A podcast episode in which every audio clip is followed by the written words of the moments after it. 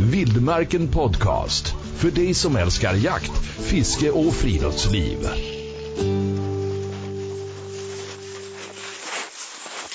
Legendariska skidskytten Magdalena Forsberg är ny ambassadör för Hylte Jakt och Lantman. Och därmed är det de profiler som man kan följa när de förmedlar sina jaktupplevelser framöver. Och om tekniken är med oss så har vi med oss henne nu. God morgon Magdalena! God morgon! Tusen tack för att vi fick lite av din tid. Hur, hur mår du idag? Ja, men jag mår jättebra tack. Jag har precis varit ute och gått en promenad här, morgonpromenad med våran jämthund. Ja. Eh, Så att man fått lite syre i systemet. Ja, men det känns bra, start. så det är bra start. Vi ska prata om hunden. Jag jag, jag har läst lite om Kava heter den va? Ja, Kava heter hon. Mm. Ja, vi kommer till den. Och, och du har nytt bredband och jag har aldrig gjort intervjuer via Teams innan. Så vad kan gå fel denna morgon? Inget. Inget. Men, men du är ganska van vid digitala möten vid det här laget, eller hur, hur ser dina dagar ut just nu? Ja, det, det, det har ju blivit så. Man har ju som eh, skjutsats in i den här digitala världen eh, på ett våldsammare sätt än man kanske annars hade gjort. Ja. Eller hur? Ja, tvungen att lära sig. Man önskar sig ibland att man hade en privat tekniker där hemma som kunde hjälpa en. Men så efter jag pratat med dig nu, då ska jag faktiskt ha en digital julfrukost. Oj, Eh, ja, det blir spännande. det låter trevligt. Är det något du kan avslöja? Vad, vad handlar det om? Det låter väldigt mysigt. Eh, ja, det, men det är med Postkodlotteriet. Jag jobbar ju på Postkodlotteriet som vinstutdelare.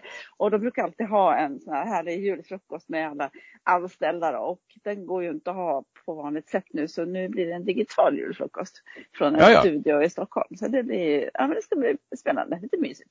Men det har jag missat. Du är alltså en av de som kommer med goda besked och så, eller?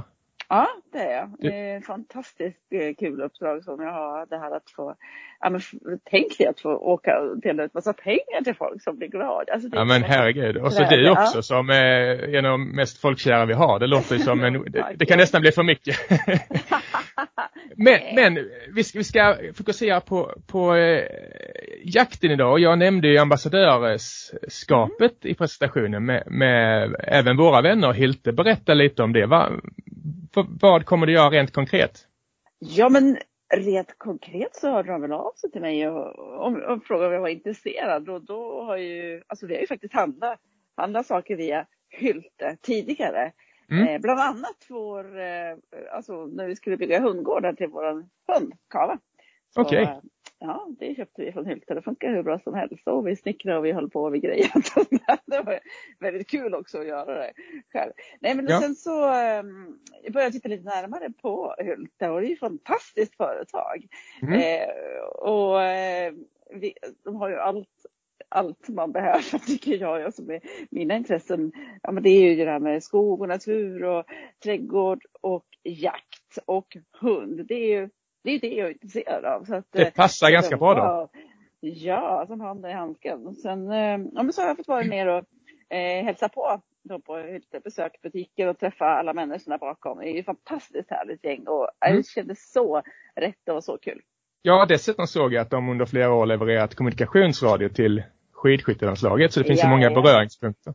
Och, och vi ska såklart eh, prata lite skidskytte senare, men jag, jag vill ändå börja med jaktintresset, för jag vet att det är något du pratar eh, varmt om, har gjort under många, många år och, och, och, och det har alltid varit med dig, eller hur? Du växte upp på en Mm. gård, eller hur, hur var det? Hur, hur kom intresset till dig?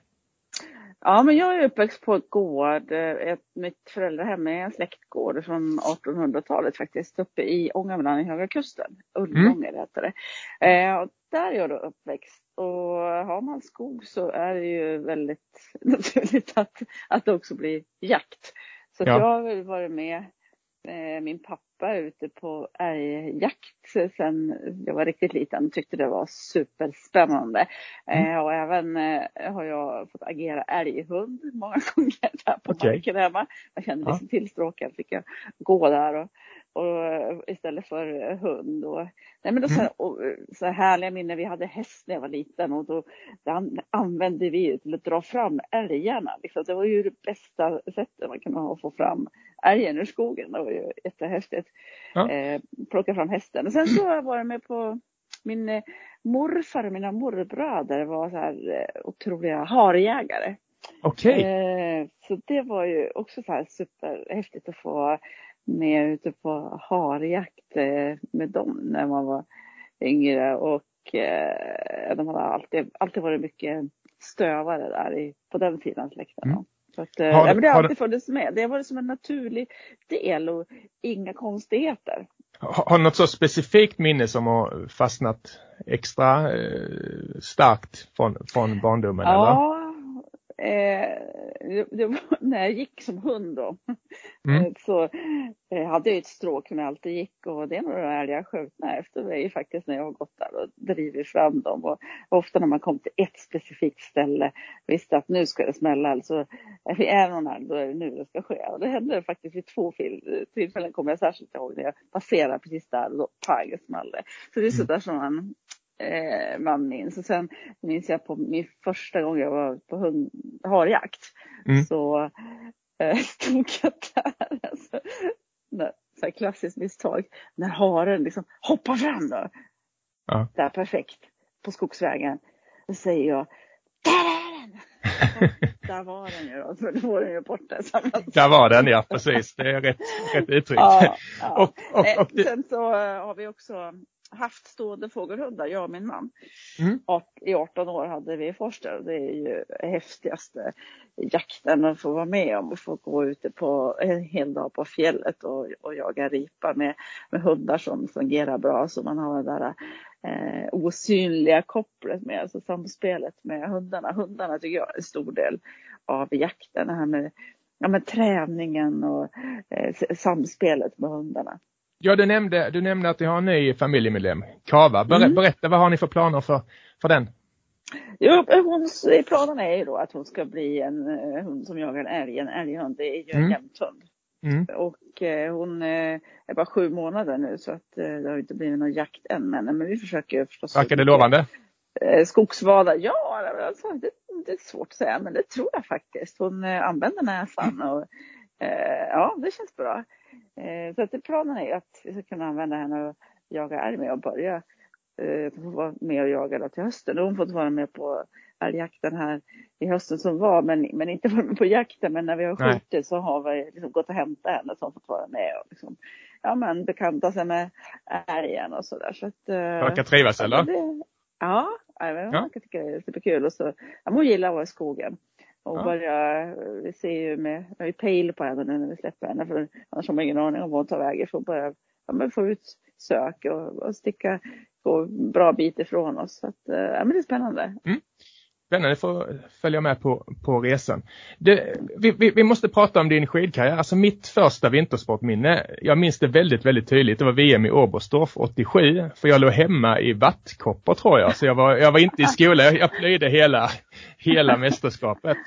Och eh, Billan minns vi ju alla och Thomas Wassberg, det var väl hans mästerskap också om jag minns rätt. Men, men det var även då som du fick ditt stora genombrott. Kan man säga det? För du var med i, i stafettlaget, eller hur? Väldigt ung. Ja, eh. precis. Jag var fortfarande junior där och hade tagit medalj på junior-VM någon vecka innan. Mm, precis. Och blev sedan eh, tagen att få vara med där i Oberstdorf på senior-VM. Så det var ju ja. lite speciellt att som liten junior få komma in där. Och så fick jag också en plats i stafettlaget. Just det. Och eh, åkte första sträckan. Det var ju Oj supernervös. Kastade in lilla mig på första sträckan där. Men, men, ja. Eh, ja. men det gick ju bra. Vi, vi vann ett brons. Det var ju, alltså det var fantastiskt. Det var min första riktigt, riktigt stora framgång. Minns du några fler som, som stod på startlinjen där? För, för man brukar väl inte skicka in de, de yngsta först eller? Är det kanske lika Nej, bra? det kanske man inte brukar göra normalt faktiskt. Men just den här gången så minns jag att även eh, en tjej som heter Simone Greiner Pettermem från eh, Tyskland, Östtyskland på den tiden. Mm. Eh, hon fick också åka första sträckan och henne hade jag tampats med någon vecka innan då på junior-VM. Okay. Där. Hon tog också medalj där på junior-VM i Italien där vi hade varit. Så att vi var två juniorer där på första sträckan, startlinjen, som, som tampades. Och det var också senare Östtyskland som vi tampades med medaljerna. Ja. Men sen, när var det du bytte inriktning? Var det fem år senare eller något? Nej, det var långt senare. Det var långt jag bytte senare. när jag var 27. 27, just det.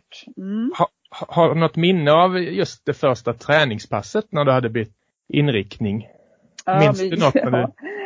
Uh, innan jag hade bestämt mig, första gången jag skulle prova att skjuta så uh, åkte jag upp där på Skönviksberget som det heter här. Jag, vet, jag hade min stora oljerock på mig så jag fattade inte hur jag tänkte som Min man var med, som, han hade ju provat skidskytte i, i lumpen så här innan så att jag tänkte att han kan ju säkert eh, komma med ett tips då.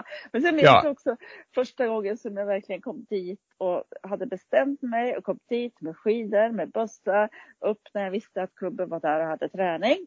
Så minns jag att jag eh, klev in där på, på skjutvallen med bössan i högsta hugg och skidor under armen och, och sa att hej, är det någon här som kan hjälpa mig att lära mig att skjuta? det kommer så.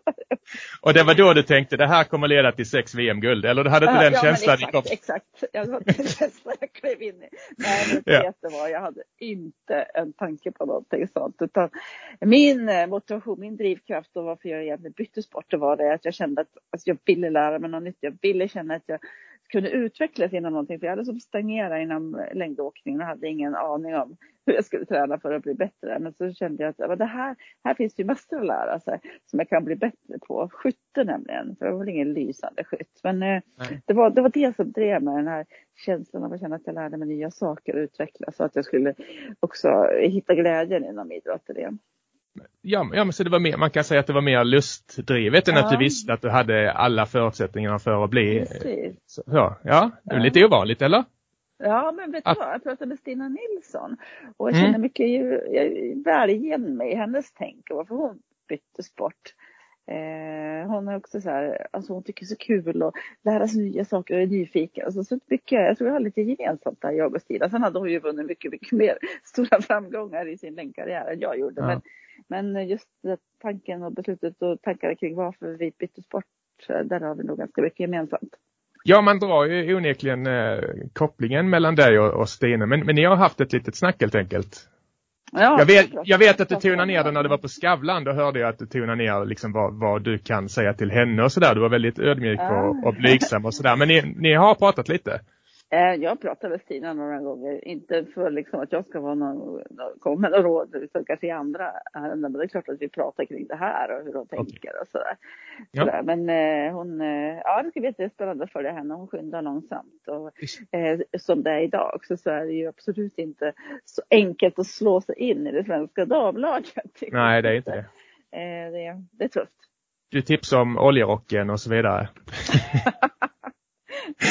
Nej. Så tvärtom.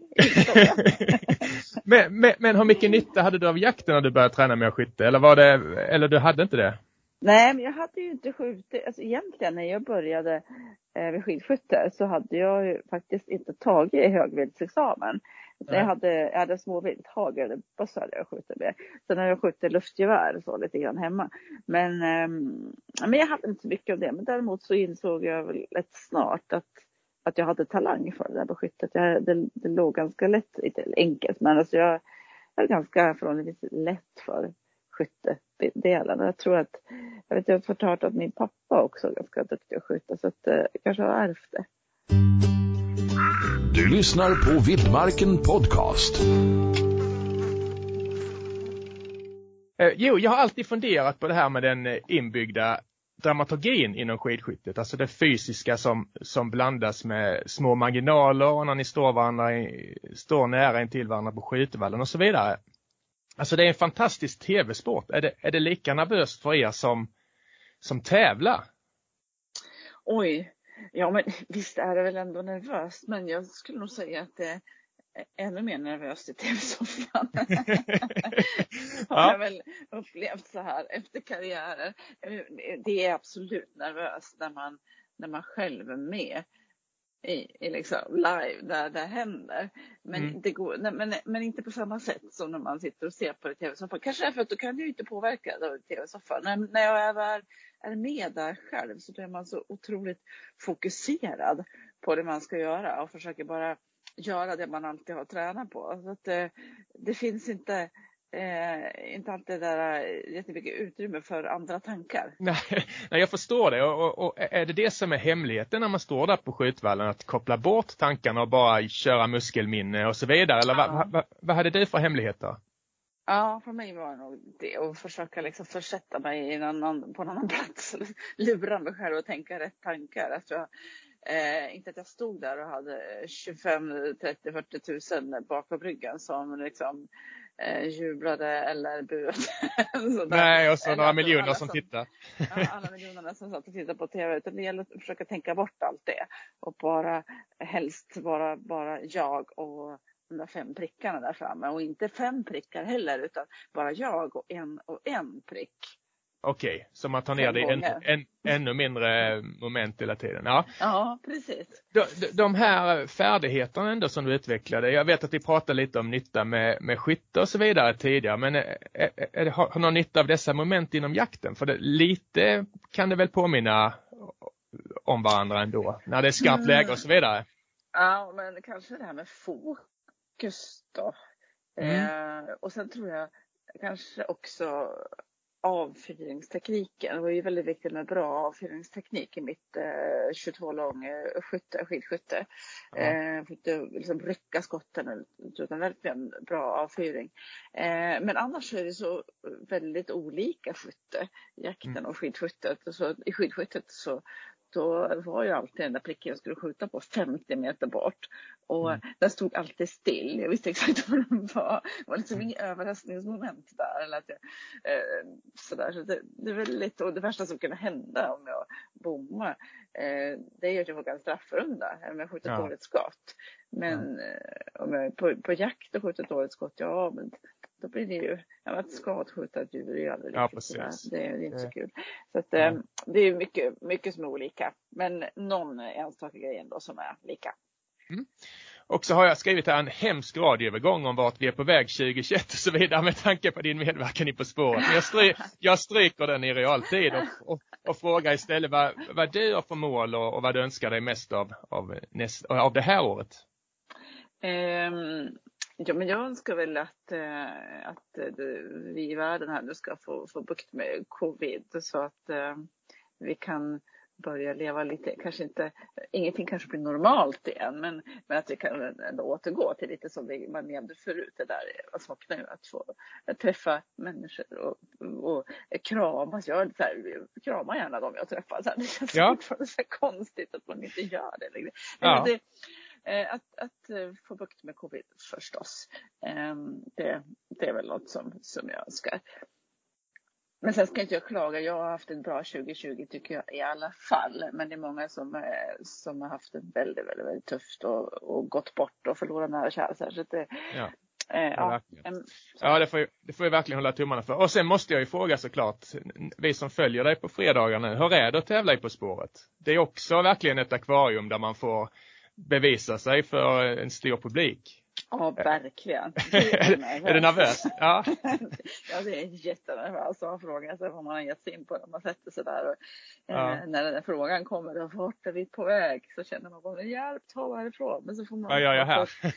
eh, ändå kanske försöka hitta sitt lugn och sitt, eh, sitt fokus och eh, bara vara Eh, där och eh, inte tänka på det där att eh, folk sitter och tycker och tänker hemma i soffan om att man kanske inte kan allting. Vi är ju inte kastade till det här programmet för att vi är världens bästa och vet allt möjligt. Ja, men ni, ni har ju skött vi... väldigt bra. Det är semi, semifinal på gång. Det är du och Claes Elfsberg och det känns ja. som ett verkligen en, en klippa har med sig också och du är lugn och så. Så det känns som, känns som en bra mix. Klas är fantastisk, eh, verkligen. Ja, du också. Människa. också så att det, äh, men vi hade det väldigt eh, trevligt tillsammans. Ja, och vi ser fram emot att följa dig där och även dina ambassadörskap och så vidare. Och eh, du har mycket på din agenda så jag vill tacka dig för din tid Magdalena. Och eh, ja, lycka... Tack, kul att få vara med. Stort lycka till framöver. Ja, tack så mycket, tack detsamma. Hej då, hej då. Hej då. Vildmarken Podcast. Hitta fler avsnitt och ta del av vårt digitala magasin på vildmarken.se.